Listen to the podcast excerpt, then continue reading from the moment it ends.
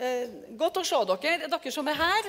Håper du har det hjem, bra, du som er hjem også, og følger oss på denne gudstjenesten her i Betel denne andre søndagen i advent. Jeg heter Ingrid Erlandsen, en av pastorene her i kirka, og jeg skal forkynne Guds ord for oss sammen med deg og du som følger oss i dag. Så jeg håper du er klar. Du, vet du, du så at jeg innleda nå med å be en bønn for uh, prekena for, og for det man skal formidle. For det er jo veldig viktig. vet du. Veldig viktig å be. Eh, både for det ene og det andre.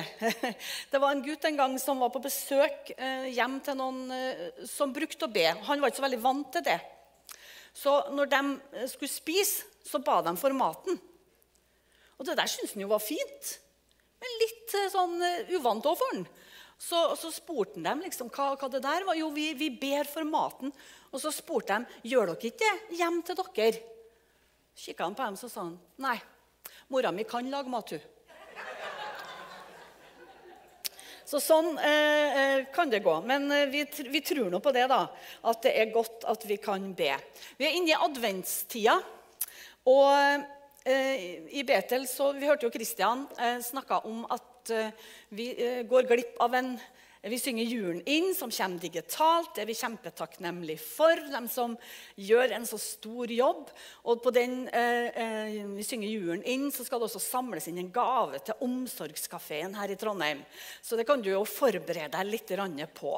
Samtidig så tror vi jo på å strekke ut hendene til hele verden. Og som Kristian også var inn på i, i når han ba for misjonærene våre, så skal vi også i eh, førjulstida her nå arrangere en liten mini-pakistansk eh, misjonsfest. Våre kjære Kiren og Raymond Larsen, som har jobba i Pakistan, og som fremdeles jobber selvfølgelig for Pakistan, har fått på hjertet at vi skal ha en, en, slags digital greie. Så du får følge med på Betel sine nettsider når Herre blir. Og så eh, skal det også samles inn. Og den aksjonen er allerede i gang for å samle inn penger til folk som ikke ikke har mat, og som har det vanskelig i Pakistan, spesielt under koronatida. Så det kan du jo også ha i bakhodet ditt, at det kommer, kommer mer informasjon om det. Og hvis du lurer, så kan du alltid vet du, gå på Betel sine nettsider. Der finner du det du trenger. Det var en som sa at kristne nettsider det er som Jesus i går, i dag den samme, ja, til evig tid. Men, men, det stemmer ikke her, altså. For her skjer det faktisk forandringer på nettsida. Vi prøver å oppdatere så godt vi kan. Det var artig, det? Ja, den var god, den. ok. I desember i år så skal vi fokusere i Betel når det gjelder forkynnelse, på Jesu gjenkomst. Nå, tenkte du litt nå? Var ikke det litt rart da å holde på med det midt inne i adventstida? Nei, egentlig ikke.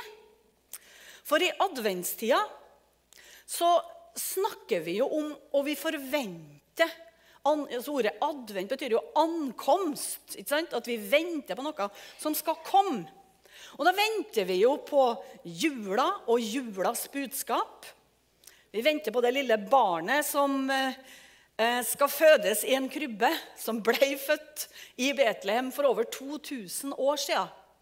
Men som kristne så er det faktisk sånn at vi også tror på, og det er en viktig del av kristen tro, nemlig at Jesus Kristus en dag skal komme tilbake til jorda. Ikke som et lite barn i en stall i ei krybbe i Betlehem. Det gjorde han en gang. Men han skal komme tilbake, og da på en ganske annerledes måte enn han kom for første gang. Eh, stå, og Vi skal, kan lese masse i Det nye testamentet om det, eh, og også i Det gamle testamentet. Og vi skal holde oss i dag en del i bl.a.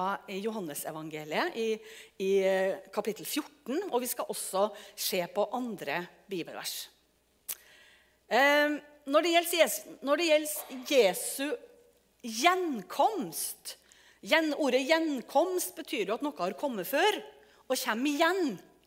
Og det er akkurat det som kristen tro også handler om, det er et håpets budskap om at Jesus kommer igjen. Dessverre så har nok budskapet om Jesu gjenkomst i mange sammenhenger, kanskje også vår egen, ført til både angst, skremsel og dommedagsprofetier. Um, og det er også en del av historien, men jeg tror, og jeg mener å se i Bibelen, at det at Jesus skal komme igjen, trenger ikke å være knytta til det jeg nevnte nå. Men det kan mye mer være knytta til håp og tro på en Gud som har alt i sine hender, og som veit hva han holder på med. For Jesu gjenkomst er en av bærebjelkene faktisk i kristen tro. Og det er veldig nært knytta til det kristne håpet. Og hva er det kristne håpet? Jo, det er at Jesus Kristus døde på et kors. Han sto opp igjen, han lever i dag, har tatt på seg all verdens synd, så at det er mulig for meg og deg, og for alle som ønsker det, å leve i fred med Gud. Amen. Eh, vi skal lese eh, noen vers fra Johannes 14. Eh, har jeg, da har jeg henta ut vers 1-4. Det er Jesus her som snakker til sine disipler. Og Han snakker egentlig veldig mye med dem om at han skal forlate dem. Og han snakker om at han skal sende en annen, og han snakker om at han også skal komme igjen. Det her var på mildt sagt gresk for disiplene. Mange ganger så, så, vi, så skjønner vi ut av settinga når vi leser at det her gikk Langt over deres fatteevne. Og det er kanskje ikke så rart, for Jesus var jo veldig nær. Han var der. Han var da. Han var til å ta på, til å føle på. De så han. Og så plutselig så snakker han om at han skal dra, og verre blir det. Men nå skal vi lese i Johannes 14, vers 1. For Jesus sier til dem, for han merker jo at de blir stressa av det her. De blir litt sånn urolig, for de har sikkert gjort seg opp sine egne tanker sin egen eh, vei med Jesus, liksom. De har sett for seg sikkert i sin egen verden at uh, han her er jo Messias. Jeg har skjønt det. Vi skal jo vi skal forandre verden. Vi, og Jesus han, han, han, helbreder de syke. og Kanskje han følte litt sånn Jeg er med han, vet du. Jeg skjønner det. Jeg skjønte det. De andre har ikke skjønt det. Kan hende at de inni sin indre verden altså Du ville jo aldri tenkt sånn. Jeg kunne kanskje ha tenkt litt sånn. Syns det hadde vært litt greit. Sola meg i glansen av Jesus. Men så snakker han hele tida ord til dem som går litt over hodet på dem. Og det er det som er så herlig vet du, med evangeliet, at det er for vanlige folk. Det er for mennesker som meg og deg som kan si 'Skjønner ikke det jeg forstår ikke noe av det her.' Men så kan vi få lov til å gå til Jesus, da, vet du. Og så åpenbarer han ordet sitt for oss. La ikke hjertet bli grepet av angst sin. Tro på Gud og tro på meg. Skulle tro at han har skrevet her i koronatida. vet du. I min fars hus er det mange rom. Var det ikke slik, hadde jeg da sagt dere at jeg går og vil gjøre i stand et sted for dere. Og når jeg har gått og gjort i stand et sted for dere, vil jeg komme tilbake og ta dere til meg, så dere kan være der jeg er, og dit jeg går, vet dere veien. I min fars hus er det mange rom. Jeg går i stand, og jeg går bort og forbereder et sted for dere. Så tenkte på det i går. Hvorfor, hvorfor, er det mange rom? Hadde det vært greit med en sånn svær sal? Da? Hvor alle kunne vært sammen? Hele tida. Men nei da, det er mange rom. Det betyr at det er mange forskjellige folk som skal komme. Så hvis du er introvert som sitter her i salen i dag, eller du ser på, du slappe helt av. Det blir ikke en sånn lang fellesgreie. Du kan få trekke deg tilbake. Det virker i hvert fall sånn. Jeg tror at det vil bli et eget Rosenborg-rom. Kan ikke ha med noen branntilhengere liksom inni. Eller Bodø-Glimt går an, da. Vi er glad i dem, da, vet du. Men, eh, For det, det er fordi de bor lenger nord enn oss. Så vi syns er synd på dem i utgangspunktet. Så Derfor er vi glad for at dem liksom. Men i min fars hus er det mange rom. Og det er så mye jeg kunne ha sagt om det her. Jeg skal la den ligge nå, både med Rosenborg og Brann og alt det her. Men han har gjort i stand et sted for oss. Et sted for oss. Han har gjort i stand et sted. Og når det er ferdig så sier Jesus da skal jeg komme tilbake. Punktum. Jeg sier ikke bare det. Jeg skal ta dere til meg, så dere skal være der jeg er. Og dit jeg går, der vet dere veien. Et sted for dere. Et sted for oss. Um, til og med vet du, i den apostoliske trosbekjennelsen så bekjenner alle kristne det faktum at Jesus skal komme tilbake til jorda. Eh, vi leser 'Jeg tror på Jesus Kristus, Guds enbårne sønn, vår Herre', som ble unnfanget ved Den hellige hånd, født av jomfru Maria, pint under Pontius Pilatus, korsfesta, død og begrava, for ned til dødsriket, sto opp fra de døde tredje dag, for opp til himmelen, sitter ved Guds, den allmektige Faders høyre hånd, skal derfra komme igjen for å dømme levende og døde. 2,2 milliarder kristne over hele kloden bekjenner akkurat det her. Vi tror at Jesus Kristus skal komme tilbake til jorda. Det er en kjempeviktig sannhet i evangeliet. Og det skal vi absolutt holde fram. Men Jesus kommer ikke tilbake som jeg sa, som et lite barn. Bibelen snakker mye om det. Han skal komme på en helt annen måte. Han skal komme med en helt annen makt og herlighet enn den fattige stallen i Betlehem som et bitte lite barn som er sårbart og farlig og skummelt at det kan skje noe med det lille barnet. Men når han kommer igjen, så skal han komme i herlighet. Det står at han skal komme som kongen. Det står at han skal komme som løven av Juda. Det står at han skal komme som seierherren over alle ting.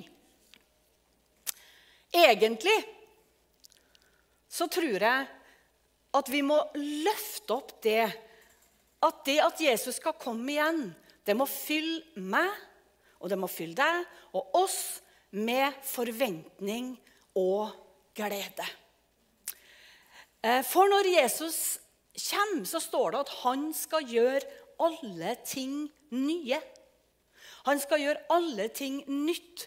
Hvordan er det med din og min forventning i 2020 om at vi lever med det fakta som kristne at vi tror at Jesus skal komme igjen. Hva gjør det med min hverdag? Hva gjør det med de valgene jeg tar? Med hvordan jeg velger å leve livet mitt? Eh, for Bibelen lærer oss at denne verden en dag faktisk skal ta slutt. Det skal skje ting. Det skjer når Jesus kommer igjen. Jeg har alltid levende sett for meg det bildet på Oljeberget når, når, Jesus drar opp til himmelen, når han står der på Kristi himmelfartsdag, det som vi har kalt Kristi himmelfartsdag. De står der og opplever det utenkelige. At han som de har gått sammen med, som de har satsa livet på, som de har sett gjorde mektige gjerninger som Han har sett, de har sett han har fått forvandla liv de har til og med sett at han hadde overvunnet døden og alt hans, dens makt. De har sett han levende igjen. Og så står han plutselig der og sier at OK, gutta, nå drar jeg. Jeg syns jeg ser for meg kan, Hvis du lukker øynene og så prøver du å male det bildet og jeg skulle ønske jeg kunne ha spurt tilbake. at Det fantes en sånn knapp. Det finnes jo apper for alt mulig. Spor tilbake en dag i himmelen når det blir en sånn film. Så vil jeg tilbake til det øyeblikket hvor disiplene får Hvor de, hvor de skjønner. Eh, det står jo eh, i apostlenes gjerninger 1.11, da. Eh, det er jo når, Etter han har dratt opp, så kommer det en engel da, som sier, 'Galilere, hvorfor står dere og ser opp mot himmelen?' Veldig rart spørsmål. Altså Hvis én plutselig bare forsvinner opp er det rart å spørre. Altså, det har vært veldig rart hvis du har stått og kikka ned. for å si det sånn. Men for engelen, eller for Guds rike, så var det her den mest naturlige ting i verden. At Jesus han kom, han hadde misjon, han gjorde det han, hadde, han, han, gjorde det han var kommet for å gjøre, og så drar han. Galileere, hvorfor står dere og ser mot himmelen? Denne Jesus som ble tatt opp til himmelen fra dere, han skal komme igjen på samme måte som dere har sett han fare opp til himmelen. Det er sprengt alle rammene, alle menneskelige rammer. Men det var sikkert noen mynter som datt ned, og som bare bling, bling. liksom. For da begynte man ja, det var jo det han sa. Det var jo det han, det var jo det han, det var jo det han tenkte. Det var jo det, det han har sagt. Du skjønner at Jesu himmelfart det var ikke noen slags romfart. Det er ikke noen sånn rakett liksom. som du ser for deg, så det forsvinner som en prikk oppi himmelen. liksom. Det var ikke sånn. Det står at han ble um, tatt opp i en sky. Det står at en sky tok han bort fra øynene deres. Og det her var ikke noen slags sånn eh, meteorologisk uh, tung uh, regnsky som vi ser over Trøndelag innimellom. Det var ikke en sånn sky. Men den skyen her den er et symbol på Guds nærvær. For det var Gud sjøl. Det var tanken fra tidenes morgen. Frelsesplanen var fullført. Det var en Guds herlighetssky som tok Jesus bort fra sine her på jorda. Skyen i Bibelen er et symbol på Guds nærvær. Nå gikk Jesus over i en annen virkelighet. Han gikk over i Guds virkelighet. Han som hadde forlatt himmelens herlighet og blitt et menneske sånn som du og sånn som meg. Plutselig så skulle han tilbake. Det måtte jo ha vært nydelig. Ja, Endelig slapp han dere. Eh, men, men, men, det er jo en annen dimensjon. Men du skjønner min fantasi. Du skjønner Tenk, han forsvant i himmelens herlighet. Men så er det jo det da, at han er ikke langt borte. Sjøl om han dro opp og forsvant for øynene deres. For ikke, ikke lenge før han dro, så ga han dem faktisk et løfte. For han sier i Johannes, vi er tilbake i Johannes 14, og i vers 18 Jeg lar dere ikke bli igjen foreldreløse som foreldreløse barn. Det var jo det disiplene var redd for. Hva, hva skjer nå? Hva skjer nå? Altså, De er ute etter oss, de var ute etter Jesus. De vil ikke dermed si at de slutter å være ute etter oss. Men han sier til dem, 'Jeg lar dere ikke være igjen som foreldreløse barn.' 'Jeg kommer til dere.' Hæ? Hva mener du? Hva tenkte du, Jesus? Men han ga dem løftet om Den hellige ånd. Et løfte for han sa til dem Noe av det siste han sa før han forsvant, det er det som vi kaller misjonsbefalinga. Gå derfor og gjør alle folkeslag til disipler. Døp dem til Faderens og Sønnens og Den hellige ånds navn. Og lær dem å holde alt jeg har befalt dere. Og se, jeg er med dere alle dager inntil verdens ende. Og jeg skal ikke la dere være igjen farløse. For dere skal få en annen talsmann. Den hellige ånd kommer til dere. Han hadde lovt dem, og det var løfta.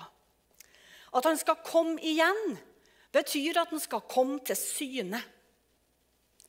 Det blir et, drama, et dramatisk øyeblikk. På samme måte som han ble tatt opp i en sky, på samme måte skal han komme tilbake. På samme måte skal han komme tilbake. Det greske ordet for gjenkomst, det heter parosia. Det betyr tilsynekomst eller tilstedeværelse. For når Jesus kommer tilbake, så skal dette være synlig for alle. Hvordan skal det være mulig? Eh, ikke så rart at disiplene spurte seg det. Men i dag så skjønner vi veldig godt at det er mulig. Med alle verdens TV-kanaler, med sosiale medier som gir oss informasjon og film nesten akkurat i det øyeblikket det skjer. Når Golfkrigen foregikk, så satt vi og så på TV på krigføring. Det er ikke utenkelig lenger at Bibelens ord og Bibelens budskap den er absolutt aktuell. For når Jesus kommer igjen, så skal han komme igjen, og det skal være et helt annet komme enn når han kom første gangen. Det står i Matteus 24, 30, Da skal menneskesønnens tegn vise seg på himmelen. Da skal alle folkeslag på jorden bryte ut i klagerop, og de skal se menneskesønnen komme på himmelens skyer med stor makt og herlighet. Alle skal se. Ja, nå er det gått godt og vel 2000 år siden Jesus ble født. Og det er lenge for oss. Det er veldig lenge for oss. Kristne hadde gjennom alle tider lengta til Jesu ankomme. I enkelte tider så har man kanskje lengta mer og ønska seg mer. Kanskje er det en kjensgjerning at når det er tunge, dårlige tider og vanskelige tider, så er også forkynnelsen om Jesu Kristi gjenkomst og alt det det bringer med seg, høyere opp på agendaen. Vi skal løfte opp hele evangeliet. Og så det faktum at Jesus Kristus kommer igjen. Han skal berede et sted for dem. Men du vet at i Det gamle testamentet, helt fram til Jesus var født, så gikk det òg fryktelig lang tid. Det ble sagt til Abraham i deg skal alle slekter på jorden velsignes. Det ble sagt i første Mosebok 12, 3. Og fram til Jesus ble født, så gikk det 1800 år. Og først når vi ser oppfyllelsen av det løftet, så er det 3800 år seinere. profetene spådde at Messias skulle komme. Jesaja, som levde ca. 700 år før Kristus, han sier Se, en jomfru skal bli med barn. Hun skal føde en sønn og gi ham navnet Immanuel. Det står i kapittel 7, vers 14. Og så videre profeterer han i kapittel 9, vers 6. For et barn er oss født, en sønn er oss gitt. Herreveldet er lagt på hans skuldre, og hans navn skal være underfull rådgiver, veldig Gud, evig far og fredsfyrste. Og profeten Mika, som var samtidig som Jesaja, han sa til og med hvor dette barnet skulle fødes. Men du, Betlehem fratas inn i kapittel 5, den ringeste blant ættene i Juda. Fra deg la jeg komme en mann som skal herske over Israel. Han har opphav i gammel tid. Han er fra eldgamle dager. Folk levde i en slags forventning om at Messias skulle komme. Men årene gikk, og århundrene med. Man ga opp på håp, og det var vekslende tider. Men en dag så kom han. Han kom uventa. Det er derfor du og jeg snart skal feire jul. Fordi at profetiene og løftene i Guds ord er sanne. Det er han fra eldgamle tider. Og like sikkert som om at han en gang kom, er det at han skal komme igjen. La oss ikke miste forventninga. La ikke oss miste håpet. La ikke oss miste trua. Og så skal vi samtidig stille oss det spørsmålet. Jeg skal stille meg det spørsmålet. Hva gjør det med meg? Hva gjør det med mitt liv? Hva gjør det med de valgene jeg tar? Det er mange som har spekulert i når Jesus kommer igjen. Og Det har vært mange slags teorier på det. Jeg skal ikke gå inn på det. For Bibelen er ganske tydelig og klar på det. Ehm, Peter, Apostelen Peter han sier i 2. Peters brev, kapittel 3, vers 8-9. Men én ting, mine kjære, må dere ikke glemme. For Herren er en dag som tusen år, og tusen år som en dag. Herren er ikke sen med å oppfylle sitt løfte, som noen mener. Nei, han er tålmodig med dere.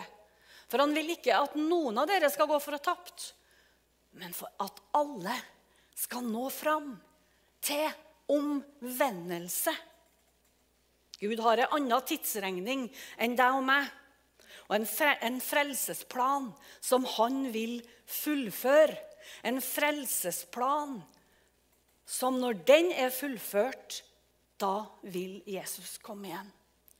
Jesu frelsesverk er fullført. Det trenger vi ikke å legge en tøddel til. Men Jesu frelsesplan, den inkluderer deg og meg i 2020. Alle vi som lever, og som har levd. Alle oss inkluderer det. Og det får konsekvenser for mitt liv og de valgene jeg tar.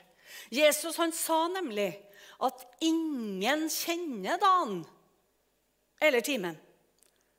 Men han ba oss om å gi akt på tida og tyde tegnene som skal gå forut for hans komme.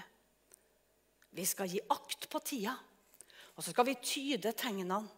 Og Det er mange tegn som jeg kunne ha gått inn i nå, men vi har flere søndager hvor andre skal på her, som også sikkert vil ta opp noe for det. Ehm, jeg skal bare, Vi skal lese fra Filippe-brevet eh, litt etterpå. Men der står det noen ting som vi skal akte på, som jeg tror er det viktigste med at vi ikke går rundt og har angst og er redd, men for at vi er fylt med fred og forventning. Ehm, når eh, Jesus sitter på Oljeberget, eh, og disiplene var med ham da, så spør de ham si oss, når skal dette skje? Og hva er tegnet på ditt komme? Og hva er tegnet på verdens ende? Så sier Jesus, pass på at ikke noen fører dere vil. For mange skal komme i mitt navn og si at de er Messias, og de skal villede mange. Dere skal høre om krig, og det skal gå rykter om krig. Så sier han, se da til at dere ikke lar dere skremme. Derfor skal ikke vi som troende heller bruke Jesu gjenkomst som skremselsmiddel til mennesker som er på vei og kanskje ennå ikke tror, eller ikke har bekjent at de tror. Du og jeg må aldri falle i den grøfta at vi bruker Jesu Kristi gjenkomst som en slags skremselspropaganda. For at det ligger et framtid foran der. vet du. Du vet at Skremselspropaganda har aldri ført mennesker nærmere Gud. Det kan lettere føre til at de trekker seg bort og kanskje heller avviser og ikke vil ha noe med det å gjøre, med meg å gjøre, eller med deg å gjøre. Det må du tenke over, og det skal jeg tenke over. Hvordan formidler jeg at Jesus Kristus skal komme igjen? Vi skal komme tilbake til det. Ehm, for Jesus sier, 'Men den som heller ut til slutt sin, skal bli frelst'. Og evangeliet om riket skal forkynnes i hele verden til vitnesbyrd for alle folkeslag. Du vet at Det er gledens budskap Jesus har bedt oss om å forkynne. Det er gledens budskap om at han som kom, som døde på et kors, som tok min skyld og straff, og som tok din skyld og straff, det er et gledens budskap. Ja, det er et alvor over det. Absolutt. Men hvis vi tror at med å skremme folk, så tror jeg vi bommer så kraftig på målet. For det er kjærligheten som driver folk til omvendelse. Det er godheten og varmen i evangeliet.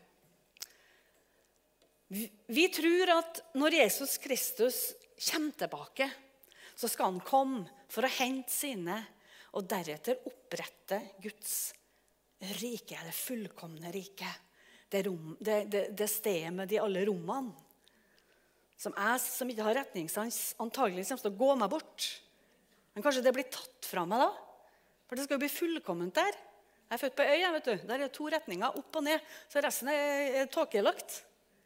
Men der blir det annerledes. Bibelen er tydelig på at det er Jesus Kristus som er den eneste veien til at mennesker kan få oppleve det her. Og det vi må forkynne, det vi må løfte opp som den tryggeste basen i verden, det er at det pga. Jesu Kristi frelsesverk så trenger ingen mennesker å gå fortapt. Bibelen snakker om at det er to utganger. Ingen tvil om det. Men det er du og meg som har blitt utfordra til å bringe det her ut til en verden som bare lengter etter å få høre at de er elska av en Gud. Og så er det opp til hver enkelt å ta det inn til seg. Han holder på å forberede et sted for oss, folkens. Han forbereder et sted. Så Filippebrevet 1,6. Og jeg er trygg på at han som begynte sin gode gjerning i dere, skal fullføre den helt til Jesu Kristi dag. Og den dagen, den kommer. Den er der. Den kommer. Hvordan lever jeg og du livene våre? Hvordan formidler jeg det her til mennesker? Hvordan, hvordan skaper det noe i meg som gjør at det er en drivkraft? En drivkraft i Den hellige ånds kraft. Ikke egen kraft, og nå skal jeg produsere noen ting. I Den hellige ånds kraft. Hvor vi, hvor vi blir dratt inn i et kjærlighetsforhold til Jesus, som igjen drar oss ut i en verden hvor vi formidler det her. Jeg er trygg på at han som begynte en gode gjerning i deg. Ta det til deg i dag, du som sitter her i salen i Betel, og du som følger oss på nettet. Han holder på å forberede et sted. Jeg starta med Johannes 14, 14,1,4. La ikke hjertet bli grepet av angst. Tro på Gud og tro på meg. I min fars hus er det mange rom. Og var det ikke slik, da hadde jeg sagt dere at jeg går og, at jeg går og vil gjøre i stand et sted for dere. Og når jeg har gått og gjort i stand et sted, så vil jeg komme igjen og ta dere til meg.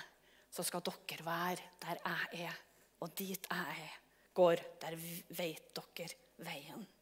Han forbereder et sted. Et sted for alle som vil. For alle som tar imot. Vi må ikke gjøre veien til Jesus vanskeligere enn den er. Vi må ikke legge for mye snublesteiner i veien for folk. Vi må ta vekk steinene. Vi må ta vekk så at lyset fra Golgata Og det er ikke utydelig. Det er ikke uklart, det er ikke ulendt. Det er ikke noe sånn 'ja, ja, alt går bra til slutt'. Nei, det handler ikke om det. Men det handler om at vi viser veien til Jesu Kristi hjerte. For det står da i Johannes 1,12.: Men alle dem som tok imot den, dem ga han rett til å bli Guds barn. Du har fått en rett til å være Guds barn. Du, eller de som tror på hans navn. La ingen få anklage deg. La ingen få fortelle deg at du ikke er bra nok, for det handler ikke om det. Jeg vil aldri bli bra nok. Jeg gjør så mye surr innimellom så du vil tro det. Men det er han, vet du. Det er han som gjør det.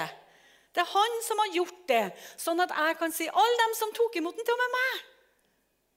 Ga, han ga meg et rett. Du har fått rett til å bli kalt Guds barn. Det er enormt, vet du. De som tror på hans navn. Jesu gjenkomst og fortellingen om Jesus Kristus, det henger tett sammen. Og det skal jeg og du med stor frimodighet få gå ut til en verden som trenger det, og forkynne. Herren være med deg i det, og Herren velsigne deg i det. Amen. Skal vi få opp sangerne her og musikerne?